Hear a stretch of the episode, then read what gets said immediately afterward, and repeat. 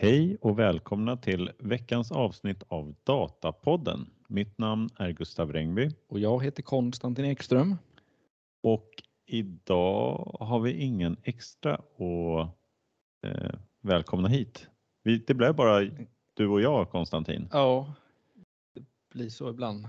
Det, är, Det har hänt förr. Ja precis. Det, jag antar att alla är tillbaka till sommaren men det är inte riktigt så att man har hunnit tillbaka.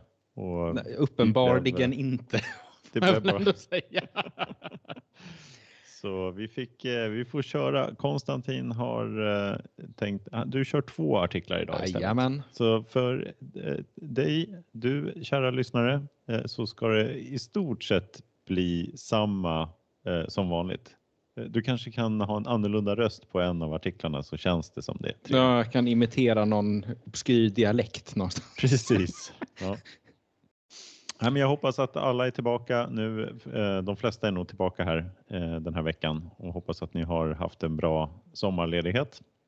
Och redo för nya tag här under hösten. Precis, Det händer ju saker hela tiden. hela tiden. Och vi kör igång nu. Det är eh, förvisso lite nyhetstorka, men lite spännande artiklar har vi hittat fortfarande. Ja, ja. Och jag har hittat en artikel som är skriven och av eh, Brandon Sudden som är tidigare analyschef på Ebay och Amazon. Och den här artikeln den kretsar kring generativ AI. Hoho, surprise! Eh, och han bildligt talat skriker ut Hold your horses och Don't jump the gun på samma gång. Utgångspunkten är att han nästan dagligen får höra kommentarer som antyder att ChatGPT och kommer att ersätta dataanalytiker. Brandon själv med över 20 års erfarenhet av analys är inte speciellt oroad över att generativ AI skulle ersätta dataanalytikerna. Vad han däremot oroas över är ledare som tror att generativ AI kan eller borde ersätta dataanalytikernas jobb. Eh, och det menar han skulle vara ett katastrofalt beslut. Han säger att ChatGPT och liknande modeller är en- stor språkmodell, vilket låter imponerande i sig. Ehm, och svaren den får kan ge användaren den tro att det är ett intelligent väsen. Ehm, men ehm, det är långt ifrån verkligheten. Eh, på grundläggande nivå så tar modellen uppsättning information som inmatning och förutsäger sedan ett resultat baserat på detta. Och det blir följden då att om du tränar modellen att tro att 2 plus 2 är lika med 10 eh, kommer den till slut att ge dig det svaret även om det skulle vara fel.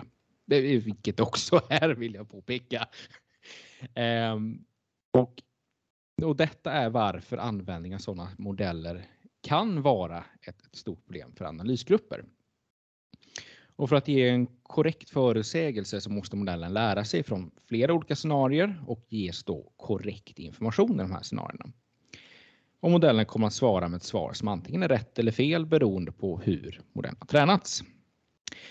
Och en lärdom då som han har tagit med sig från sina 20 år i branschen är eh, oavsett företagsstorlek, ålder eller bransch så står alla inför samma problem. Och ett av dessa handlar om flera källor till sanning. Till exempel skulle en rapport som finansteamet använder eh, säga att företaget har 10 000 kunder.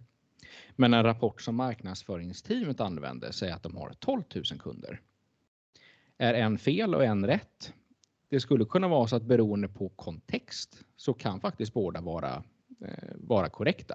Det kan helt enkelt handla om en definitionsfråga i de olika avdelningarna.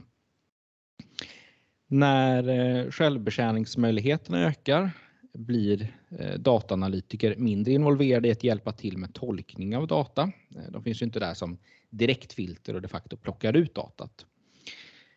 Däremot som lite grann som jag tolkar hans resonemang är att om det finns en dashboard eller rapport så är det en, en dataanalytiker som har byggt den, liksom kontrollerat siffrorna och tittat på, på vad den ger givet då en specifik kontext. Och sedan då finns tillgänglig för att kunna svara på, på frågor på den här.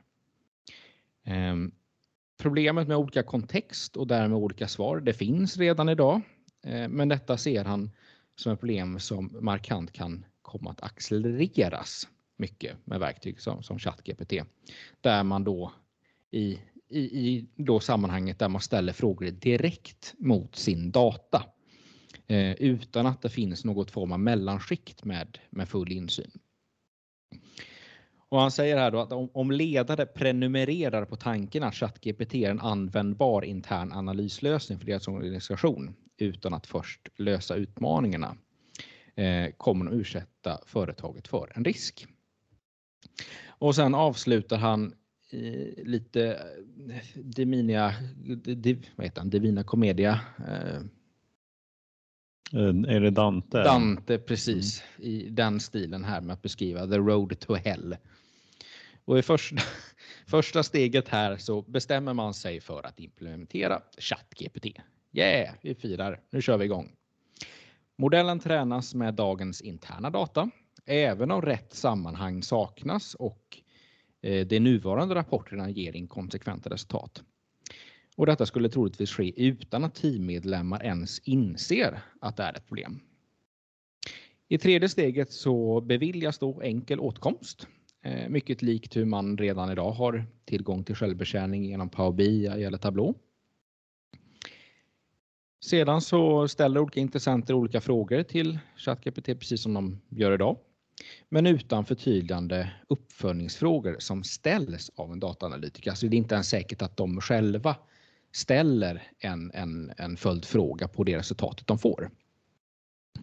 Um, och sen så, ja, och det, det är precis, då har vi hamnat där vi är. Att man tar den snabbaste vägen utan ge speciell kontext och då får man de svaren de får. Eh, som parallell så drar han eh, att de flesta idag inte skriver långa e-postmeddelanden. Man kanske drar sig lite grann från det, att man ställer föredrar använder. Man går tillbaka 4 år, 4000 år i tiden och börjar använda hieroglyfer med modern tappning kallat emojisar. Och det menar han kommer hända även med datan. Ja, spännande. Det, eh, är, är han orolig här att han ska bli av med jobbet här? Alltså det kändes så lite, lite inledande ja. sådär att ja, men men å andra sidan om man bara tar ett steg tillbaka och tänker liksom lite nyanserat på det. Mm. Det är liksom bara en lätt varning. Bara, ha inte övertro på det. Ja. Utan använd det, smart. Använd det liksom. Se det för vad det, vad det är. Liksom. Ja, verkligen. Ja, vad säger du Konstantin? Känner du igen dig i det här med flera versioner av verkligheten? Ja, men så det, det, det blir det ju. Ja. Um, men det är just det där att de olika versionerna kan ju faktiskt vara rätt beroende på vad man, vad man definierar. Ja, precis. Och det är väl kanske det farliga då att en AI-motor kommer inte fatta den lilla kontextvariansen. Nej, men eller, eller så, så, blir det ju. Så att, eh, ja, det är en relevant eh, argument får man väl säga. Mm. Jag tror vi, det rimmar väl bra med, vi, jag tror att vi har kommenterat och pratat om det tidigare också, att eh, behovet att man liksom ska släppa loss så att det blir lättare att använda datat kräver ännu mer krattad data innan. Mm. Eh, och att det är liksom, eh, det har ju gått från att man alltid hade en rapportutvecklare mm. som liksom verifierar datat och då var det inte lika viktigt att datat var i bästa ordning under. Nej. Men eh, med self-service så måste man kratta eh, liksom ganska noggrant. Men det här blir ännu mer att det måste vara krattat datat innan det presenteras för en AI-motor också. Mm. För då blir det så ja, datamodellering enkelt. blir ju ännu viktigare. Mm. Ehm. Ja, det får man väl säga. Mm. Men då kanske det ändå blir att man behöver ändå lite färre dataanalytiker men fler data engineers tror jag. Eller? Borde inte det bli konsekvensen? Ja, men så kan det såklart bli. Men eh, om man tänker vad liksom vad gör den här dataanalytikern? Är det den som på något sätt sitter på domänkunskapen? Eh, eller är det den som är eh, liksom mest eh, inne i liksom hur, hur ser källsystemet ut? Mm. Eh, för man behöver ju likväl ha eh, domänkunskapen, men den sitter ju i händerna på den som faktiskt ställer frågorna. Ja. Eh, så i det perspektivet så, så kan nog det komma att stämma.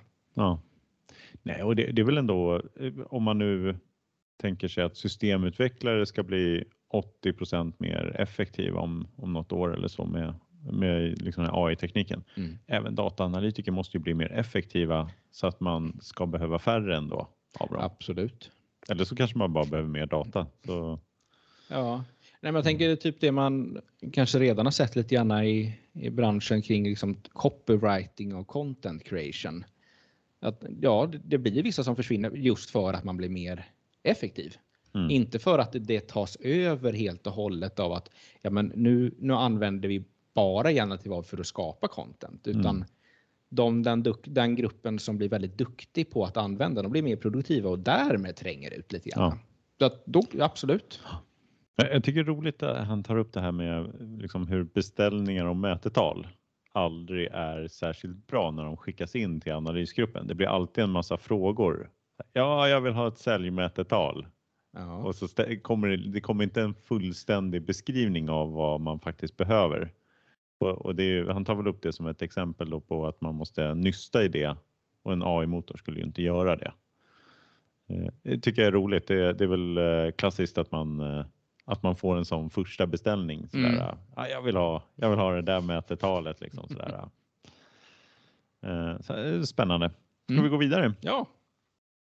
Och Då då har vi- blickar framåt lite grann. Va? Ja, men precis. Mm. Vi brukar, det brukar alltid bli runt årsskiftet att man har en massa eh, framåtblickande artiklar som dyker upp. Vad händer nästa år?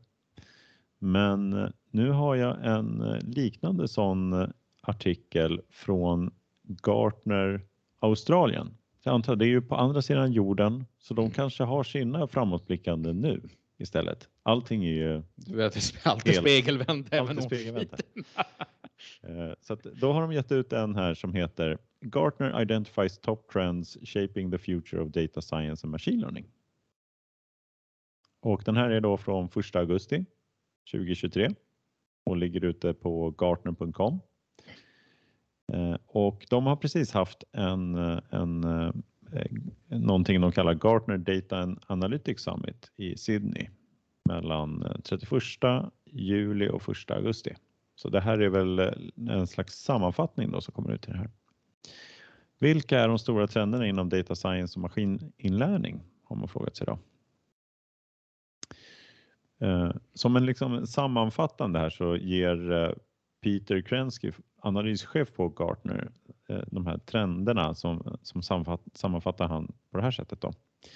När användandet av maskininlärning fortsätter öka snabbt i alla industrier så övergår området samtidigt från att fokusera bara på prediktiva modeller till mer demokratiserad, dynamisk och datacentrerat arbete.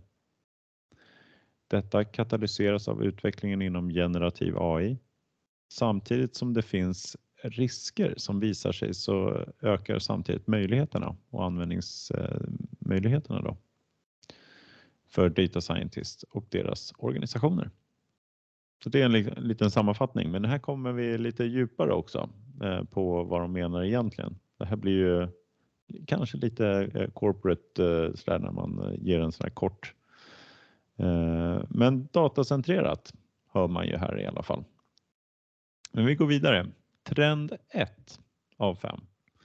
Cloud Data Ecosystem. Från lösningar med blandade mjukvara går det till en molnmiljö som hänger mer ihop, säger de då på Gartner. I 2024 kommer 50% av alla nya implementationer i molnet vara på en sammanhängande plattform istället för manuellt sammanförda punktlösningar, säger Gartner. Och eh, Gartners råd givet de här förutsättningarna då, det är att man eh, organisationer ska utvärdera då de här data ecosystem som finns efter deras förmåga att eh, specifikt då hantera utmaningar med distribuerad data, säger de. Och integration från e-, externa källor. Det tycker de att man ska titta noggrant på. Data Ecosystem. De eh, länkar här till, bland annat så beskriver de eh, i en artikel, underartikel till den här så beskriver de Data Ecosystem kanske synonymt med Data Fabric här. Så det är väl lite där, en, liksom en, en lösning för allt eh, får man väl säga. En teknisk lösning för hela sin data, eh, alla, alla behoven inom datatjänsterna som man har då kring datahanteringen och analys. Jag går vidare, eller har du något att tillägga Konstantin på en gång? Ja, men jag sitter och tänker det är lite grann liksom supercloud, allt ska vara kopplat till varandra. Mm. Dels det, men också kanske mer mot att man, man vänder på det istället för att plocka datan till applikationen så blir det applikationen som kommer till datan. Och det har mm. vi ju sett på, på flera leverantörer, bland Microsoft där senast, ja. att man lägger datan på något sätt i mitten och sen så ska alla applikationer få tillgång till den här. Ja, precis. Det blir ju verkligen, man känner igen det här med Fabric och så där. Alla, skulle säga, alla de här börjar ju bli mer och mer, man kanske har börjat någonstans och byggt en tjänst och sen så ser man ju att alla börjar bygga ut sina tjänster så att de ska liksom, man ska klara sig på en enda ekosystem eller åtminstone liksom att man har alla svar inom då en, en grupp av, av eh, verktyg. Mm. Så att säga. Trend 2 då? Edge AI. Och då säger man att eh, man ser trenden då att AI-funktioner flyttar ut i Edge, alltså i eh, vad jag skulle tolka som IoT-enheter då. Det kommer vara i liksom, eh, olika typer av maskiner, inte i cloud. Eh, utan on-premise nästan, men som är kanske kopplade då till molnet. Då för att kunna processa data direkt där datat skapas. Detta för att tillmötesgå behov av realtid för ett växande antal möjligheter. Och även då också att man har krav på integritet här också. Att du ska liksom använda AI-modellen på eh, liksom i den här lilla eh, verktyget eller IoT-verktyget som du jobbar med och sen så behöver du aldrig skicka upp datat kanske till och med in i någon stor global server. Och Gartner då förutser här att 55% av all dataanalys som man gör med, med hjälp av sådana här eh, djupneural eh, neurala nätverk kommer att ske då i Edge-systemen eh, från eh, 2025. Och det här är alltså en ganska kraftig ökning från 10% i 2021. Jag förstod inte riktigt, är de helt nedlåsta, isolerade de här eller är det bara att det blir säga, ETL istället för ELT för att skicka upp det till molnet? Nej, men det handlar väl om att du kanske har en, ett kassasystem eh, till exempel mm. där du kan eh, liksom skicka ner en, en AI-modell så att den ger rekommendationer utan att den behöver skicka datat upp och sen få ja, tillbaka ja, ja. och köra AI-modellen uppe i molnet till exempel och sen få tillbaka det. ett svar. Allting du... sker på en gång eller en kamera som redan liksom kör en eh, bildigenkänning i kamerautrustningen och sen skickar en event om att nu är det en människa här eller vad det nu kan vara. Just det, så man, man samlar in data, tränar modellen och sen skickar man ut modellen och sen så liksom ja. operativt så, den, så den, arbetar den liksom på plats ja. där den är. Så den publiceras, modellen liksom deployas i varje verktyg istället för att, eh, att man liksom kör i, i realtid i molnet. Så ja, just det. Men måste ha mycket bättre och kanske säkrare drift på det om man inte hela tiden måste ha kontakt. Ja, med precis. Ja. Och, och, och, bara den omöjligheten. Säg att du har eh, eh kameror som ska mm. leta efter saker och ting att skicka video upp i molnet i realtid, det blir ganska mycket data om du har liksom 100 kameror som står på lite olika ställen. Så det är bra mycket lättare om du bara har en lite tjockare kamera, mm. Eh, alltså en lite tjockare kalkyleringskapacitet att köra lite mjukvara där om det är vissa specifika saker du letar efter eller någon och sen bara skicka tillbaka det avvikelser Precis, eller det man letar efter. Ja. Mm. Så att det, det, man förstår ju att det här det gör ju bra mycket enklare att utnyttja AI då. Men det kräver ju mer eh, eh, bättre verktyg också att kunna få det att funka på ett bra sätt. Mm. Så ja, men det är en spännande trend. Mm. Trend 3 då? Responsible AI säger de då. Eh, som någon slags eh, ansvarsfull AI handlar om att försäkra att AI används och agerar som en positiv kraft istället för att bli ett hot för samhället, säger de här. Det inbegriper då perspektiv som etiska val, affärsnytta kontra då samhällsnytta, risker, tillit, eh, transparens och eh, ansvarsägande. Vem som eh, tar ansvar för en AI-modell. Så det är delar inom det här området som är kanske lite mer mindre tekniskt och mer eh, organisationsmässigt. Gartner här trendspanar är också att eftersom man har en koncentration då av förtränade AI-modeller på ett par få aktörer kommer dessa AI-modellers då eventuella tillkortakommanden eller risktaganden som finns i dem att eh, kunna bli ett samhällsproblem rent av. Då. Och, och någonting som samhället kan behöva eh, tänka på. Så, Så mm. Och Gartner här rekommenderar att man eh, räknar på risker när man räknar på värdet av en AI-satsning. Man ska hela tiden ha med de här riskerna i sin, eh, i, innan man räknar på vilka business case man ska ge sig på. Då. Och vara medveten om det. Trend 4 då? Vi fortsätter på en gång eller har du något att tillägga Konstantin? Någon fråga? Jag kan återkomma till det. Ja. Vi kör på. Trend 4. Datacentric AI och det här var väl vad eh, analyschefen pratade lite grann här om eh, som han hade eh, eh sammanfattningen då. Så eh, trend, trenden här då är att man går från programmering och modeller och ökar fokuset på data för att bygga bättre AI-system. Datahanteringssystem finns nu specifikt för AI också och även system för att skapa syntetisk data och dataklassificering eller labeling då, som man kan behöva för att träna en AI-modell. Att använda generativ AI för att skapa träningsdata växer snabbt för att minska behovet av riktig data. 2024 tror Gartner att syntetisk träningsdata står för 60% av all data som används för maskininlärning och här har vi ändå en jämförande siffra då från 2021 då siffran var 1 Det är en enorm ökning här också. Mm. Eh, och, och, det är väl liksom en, en då man har en brist på data att använda så skapar man upp lite egen så man mm. vet att den inte är biased eller ja. felaktig. Jag har faktiskt läst lite artiklar. Det börjar komma ut lite artiklar om det där. Mm. Men jag vet inte om de kallar det inbreeding eller något sånt där. Eh, och det är faktiskt ett problem. För att man märkt att modellerna eh, sjunker i tillförlitlighet när man använder data. Eh, för även så nu, jag, för mig, jag tyckte jag läste att det var att innan ChatGPT släpptes då, mm. då var det ju, då fanns det i princip, det var liksom en minimal mängd data på internet som var Eh, genererad då.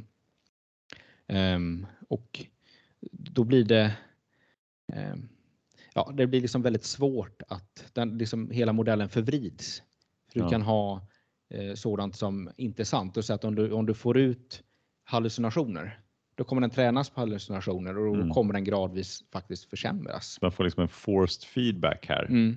Så femte generationen av hallucinerade liksom, eh, artiklar mm. så kommer det bli eh, bara tokigt. Ja, men det kommer bli en enda soppa. Så ja. det var faktiskt liksom en, en, en ett hot mot mm. det här. Så det var, jag tror det var till och med någon som hävdade, hävdade att det kommer sluta katastrof.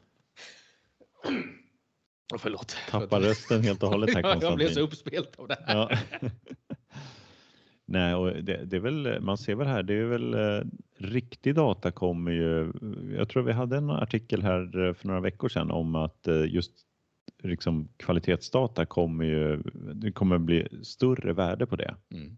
Och det ser man ju. Apropå Twitter införde väl begränsningar att man får inte läsa hur många Twitterinlägg per dag nu och så vidare.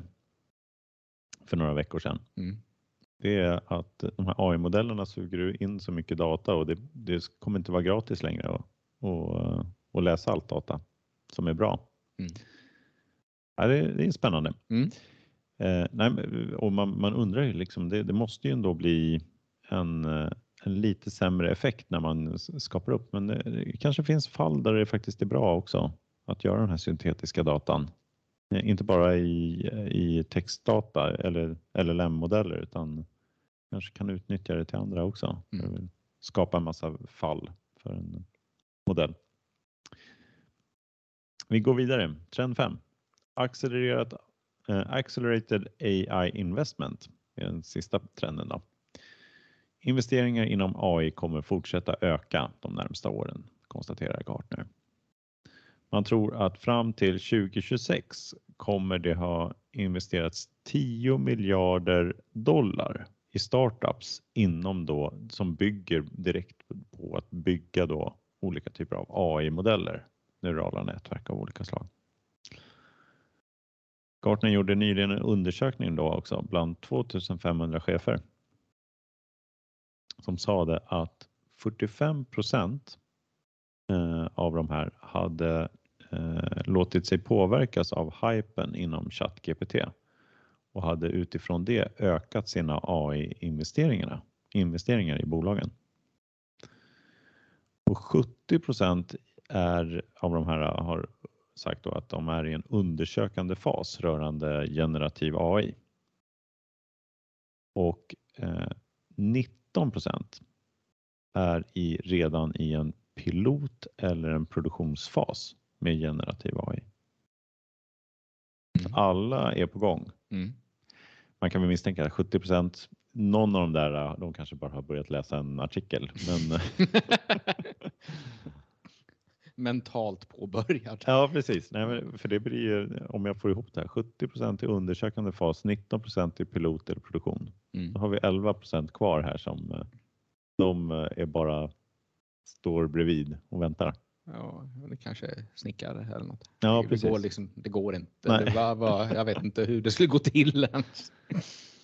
Men det här ser vi ju, det såg vi ju väldigt tidigt att faktiskt så var fallet. Jag tänkte på den här, det här företaget som, det var väl um, eh, online-quiz eller något sånt där. De sa att de skulle övergå till att skriva med AI och aktien rusade, jag vet inte hur många tiotals procent det var på en dag. Va? Så var det, exakt. Ja. Det är spännande. Mm. Nej, ehm, det här att eh, trenden att data blir viktigare, det känns ju igen får man Mm. säga. Det är ständigt det här att det kommer en massa tekniska nya funktioner inom AI Mm. och sen faller det tillbaka till att ja just det, och så är det data som blir det absolut, absolut Data. det är där vi behöver jobba Ja. liksom. AI kommer, AI går, men datan den snällt består. Precis. De säger också 50 procent eh, gör, eh, eh, vad sa de, 50 procent, den här trenden om cloud data ecosystem. I 2024 kommer 50 procent av alla nya implementationer i molnet vara på en sammanhängande plattform. Eh, Det känns ju som i Sverige måste det väl vara en högre siffra. Det känns som vi är ganska mogna i, i Mm. molnet va? I alla fall på nyinvesteringar så är det bra mycket mer Mm. tror jag. Det är min känsla i alla fall. Ja, men så är det nog.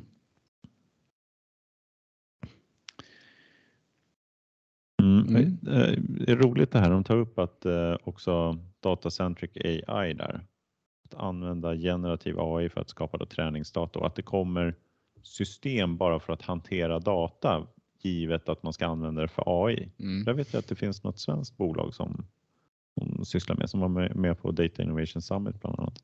Jag kommer inte ihåg vad det heter men det är, det är lite kul. Det finns Mm. lite, lite Men, eh, satsningar på det. Där tyckte jag ändå man såg, för just på Data Innovation Summit, eh, det var ändå en handfull nya bolag med AI i namnet och Mm. sådär redan då. Ja, just Så. det. Så att eh, vi kan nog förvänta oss att se ännu mer nästa år. Ja, Hoppas på det. ja, det blir spännande. Mm. Ska vi gå vidare? Ja. Jag Till- tänkte direkt att anknyta till din, var det punkt tre med responsibility. Just det. Och eh, jag ska ju prata lite grann om just om undantaget som bekräftar regeln. Mm.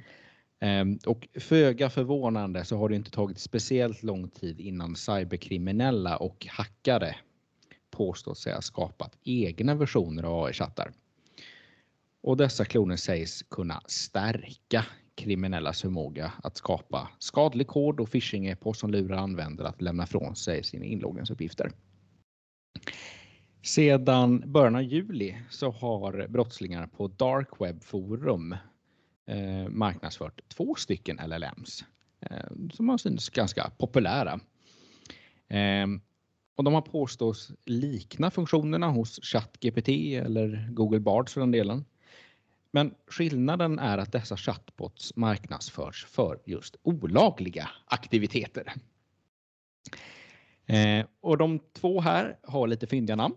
En heter Warm GPT och den andra heter Fraud GPT.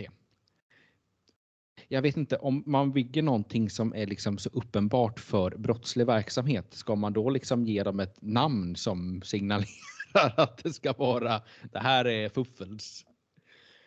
Eh, men eh, de, det är ju så att de leg, legitima LLM som utvecklas av stora teknikföretag som ja, men, Google och, och, och OpenAI då.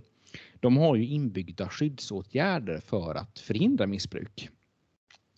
Eh, men de här lite mer ljusskygga, skygga, skumma LLM-erna, de påstår då ta bort alla säkerhetsskydd och etiska hinder. Warm GPT upptäcktes först av cybersäkerhetsforskaren Daniel Kelly som samarbetade med säkerhetsföretaget Slash Next. Och WarmGPTs utvecklare hävdar att verktyget erbjuder obegränsad teckenräkning och formatering av kod. AI-modellerna är särskilt användbara för phishing. Eller pin... Fin, phishing? Vad säger phishing? Ja, phishing. Ja, ja.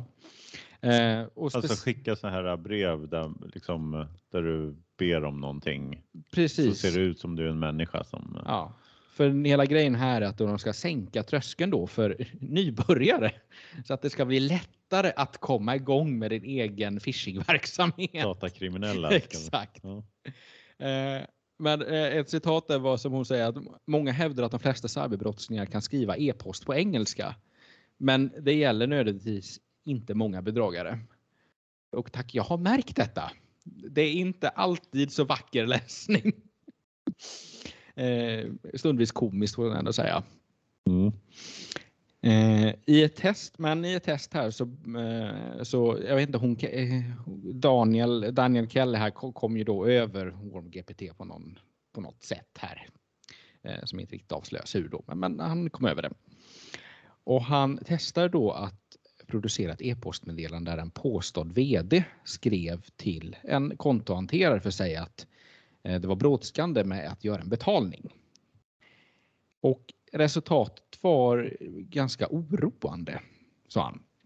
Eh, systemet genererade ett e-postmeddelande som inte bara anmärkningsvärt var övertygande utan också strategiskt listigt. Alltså en liten räv där. Mm. Eh, samtidigt så har den här andra då, Fraud GPT, skapat, eh, hävdat då att de har skapat ännu större potential för sitt system och föreslagit att det ska kunna användas för att skapa obemärkt skadlig kod och hitta läckor och sårbarheter samt skapa text som skulle kunna användas i onlinebedrägerier. Kostnaden för det här endast 200 dollar i månaden eller eh, en årlig kostnad på 1700 dollar. Pengarna sätts in på... Nej. Här är reklam. Det, det, ja, ja, men det känns liksom det här ska vara en brottslig verksamhet och liksom det känns ändå så paketerat som ja. är liksom det här är en riktig produkt som du kan gå ut och köpa. Liksom. Här, kom igång med din egen bedrägeriverksamhet. Endast 200 dollar i månaden. eh. Frågan är hur många som vill köpa årstjänsten av en, liksom en uppenbarligen någon som inte har moral och som tycker okej okay att bedra folk. Nej. De kan inte ha många som köper årstjänsten.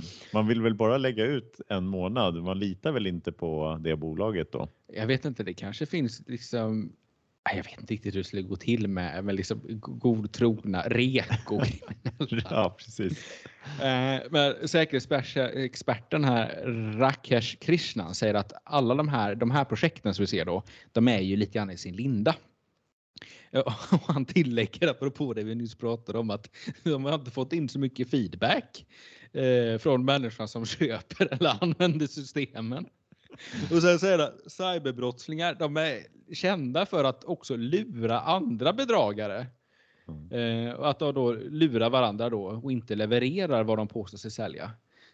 Och sen dessutom, det här var nog det värsta. Han hävdar att de är, är, är liksom eh, historiskt sett har erbjudit extremt dålig kundservice. Ja, det är kriminellt dålig alltså, kundservice. Det får man ju anmäla där. Ja, men, men liksom, om man ser på det stora hela så, så är det ju inte förvånande att cyberbrottslingar liksom använder det här. Eh, Mm. För de vill ju använda liksom allt som, som underlättar. Och både FBI och eh, Europol, då den europeiska polismyndigheten, de har varnat för att sådana här eh, AI-modeller då kan komma att användas i en större omfattning nu då för eh, att, att bedriva bedrägerier på kanske en ännu större skala eh, Mm. än, än tidigare. Ehm, ja, och när något nytt, det, är liksom, det följer liksom ett, ett mönster också som alltid händer. Att när, när något nytt får allmän uppmärksamhet, alltså, som en produkt, eller tjänst eller en händelse, så, så utnyttjar bedragare detta för, för sina egna syften. Då. Och generativ AI är såklart då inget undantag. Ehm, Men man påpekar också att det är viktigt att notera att trots alla påståenden om skapandet av dessa kloner så är deras förmåga fortfarande begränsande. Men eh, det, det, det, det är väl en liten föraning vad som kan komma. Mm. Och han sammanfattar det här då med egentligen att peka då på att på teknikens dubbla karaktär. Eh, generativa har extremt stor potential, eller inte bara potential, det är det användningsområdena är helt enorma.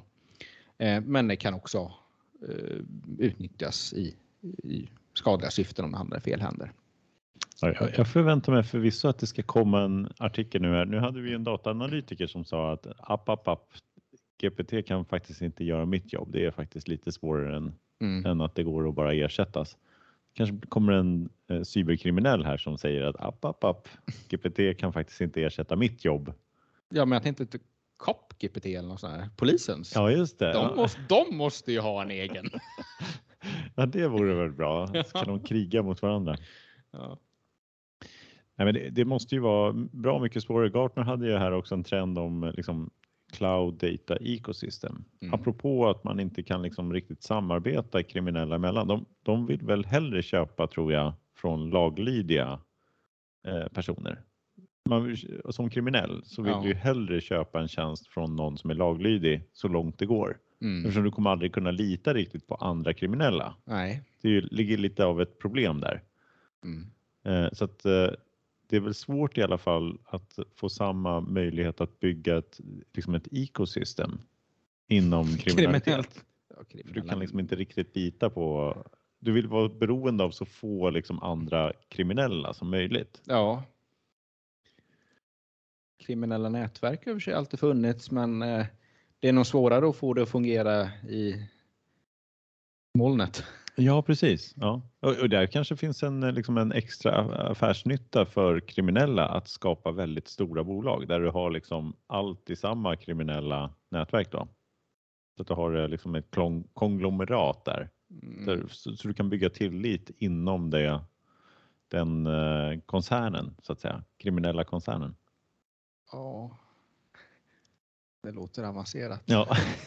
Jag tycker nästan det låter lättare att bryta sig in i någon annans. ja. Ja, men de, de, skickar lite olika, de börjar här artikeln med att säga att eh, det här är ganska farligt då, men sen Mm. säger de ju lite sådär att det kanske inte är jätteutbyggt ännu i alla fall. Nej, men det går å andra sidan väldigt snabbt. Ja. Så, Men det är ju det här också med data va? Ska de liksom... För det stod också att det, liksom, det är frågetecken kring vad för typ av data tränas den här på.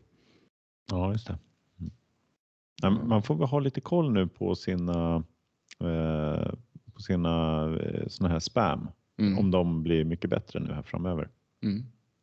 Ja, de hade väl, eh, visst var det någon open source lösning som hade lagt ut sitt träningsdata och det var eh, grunden för de här kriminella GPT-tjänsterna. Va? Ja, just det. Så att det, det kanske blir... Så det är laglydig data då för att, så det är inte kriminell data? Nej, för precis. Att, Ja. nej. De börjar åtminstone med en laglydig Mm. datakälla. Mm. Ja, nej, men eh, spännande artikel, man säga. Mm.